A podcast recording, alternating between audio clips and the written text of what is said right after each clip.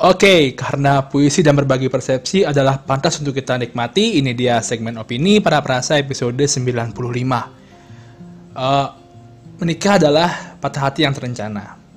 Yeay, nggak terasa udah dua bulan uh, podcast para perasa uh, break gitu kan sejenak karena memang kami di tim para perasa memang pada lagi sibuk nih gitu ada yang sibuk kuliah ada yang sibuk kerja dan uh, terlebih juga karena kondisi pandemi. Jadi agak sulit juga gitu untuk apa ya bisa menyesuaikan kesibukan kesibukan kesehatan dan uh, waktu untuk berkarya gitu.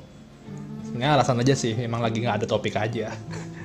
Oke okay, anyway uh, akhirnya kita bertemu lagi di podcast kali ini di pada episode kali ini tentunya dengan tema yang uh, sangat menarik seperti itu Uh, dan nggak kerasa juga uh, para perasa podcast sudah tiba pada episode 95 yang berarti lagi 5 episode adalah episode yang ke-100. Hmm, berarti kira kira-kira apa nih nanti yang bakal kita buat ya? Kira-kira uh, kalau dari pendengar ada ide nggak nih saran untuk episode ke-100 uh, para perasa podcast?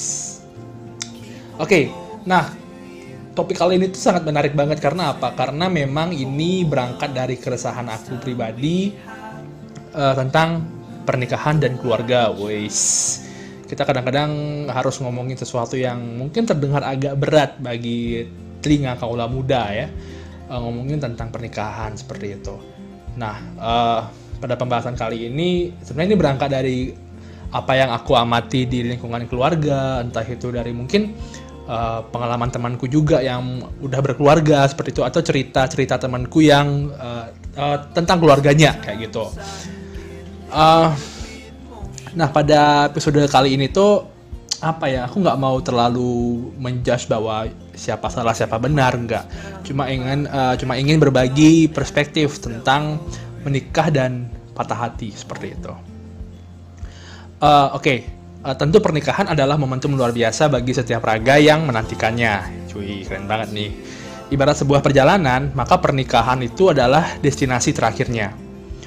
Nah, setelah banyak melalui lika-liku suka duka masa pendekatan, akhirnya sepasang manusia itu uh, saling meyakini bahwa saat bertukar cincin di jari manis, benar-benar akan menjadi sejarah hidup yang paling manis. Wis, uh, pasti indah dong rasanya saat-saat seperti itu gitu. Namun nih di saat yang sama, aku yakin bahwa sebagian besar mereka yang telah menikah memikirkan sesuatu yang lebih jauh daripada rasa manis tadi. Nah, podcast kali ini tuh uh, sebenarnya hanya seperti kisi-kisi pendek daripada apa yang nanti akan dialami oleh sebagian dari kita para insan yang belum berkeluarga. Woi, siap-siap nih para pendengar yang mungkin sedang pacaran sekarang atau mungkin yang berkeinginan untuk uh, berkeluarga di tahun ini atau mungkin uh, dekat-dekat inilah kayak gitu. Nah tentu uh, podcast ini hanya kisi-kisi pendek gitu. Nah untuk info selengkapnya ini bisa kalian tanyakan langsung sendiri kepada mereka yang telah menikah. Uh, podcast kali ini seperti yang aku bilang tadi berangkat dari baru terbukanya kepekaanku terhadap hiruk pikuk dunia berkeluarga yang aku amati dari lingkungan keluargaku.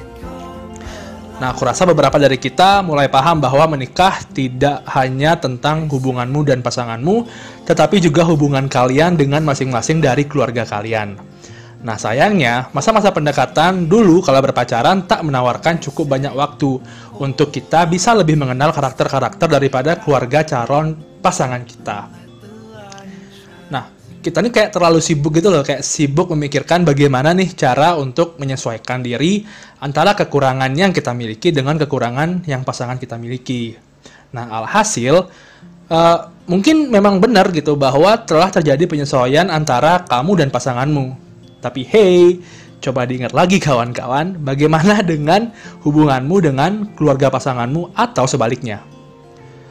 Oke, mungkin argumen ini akan bisa dibantahkan nih bagi mereka yang memiliki uh, masa pendekatan atau masa pacaran yang lumayan lama gitu. Uh, sehingga mereka bisa berdalih nih uh, kalau mereka tuh uh, apa namanya uh, sangat mengenal baik uh, bagaimana karakteristik tiap orang di keluarga pasangannya. Namun uh, para pendengar uh, di podcast kali ini poinnya itu bukan pada seberapa lama kamu mengenal karakter keluarga pasanganmu, tetapi sudah seberapa tangguh hatimu menghadapi perbedaan karakter-karakter tersebut selama ini. Pastinya itu butuh perjuangan dong untuk bisa memahami karakter-karakter daripada tiap orang di keluarga pasanganmu kayak gitu loh. Nah, di sini inilah apa yang apa ya apa yang menjadi judul daripada podcast kita kali ini yaitu adalah bahwa uh, menikah itu adalah patah hati yang terencana gitu. Uh, menikah adalah tentang kesiapan untuk patah hati. Ini ya patah hati di sini itu bukan bukan apa ya, bukan tentang patah hati seperti ala-ala masa pacaran seperti ghosting dan sebagainya. Tetapi patah hati di sini adalah semisal jika hatimu tersakiti setelah mungkin berdebat dengan iparmu mengenai suatu hal atau ketika kamu sedang digosipkan kabar tak sedap oleh bibinya pasanganmu kayak gitu. Nah, uh, di sini aku akan ngasih contoh lain nih. Mungkin kalau kalian yang belum paham, aku akan aku akan kasih contoh lain yang mungkin lebih visioner gitu ya. Oke, katakanlah kamu perempuan nih. Oke, kamu perempuan.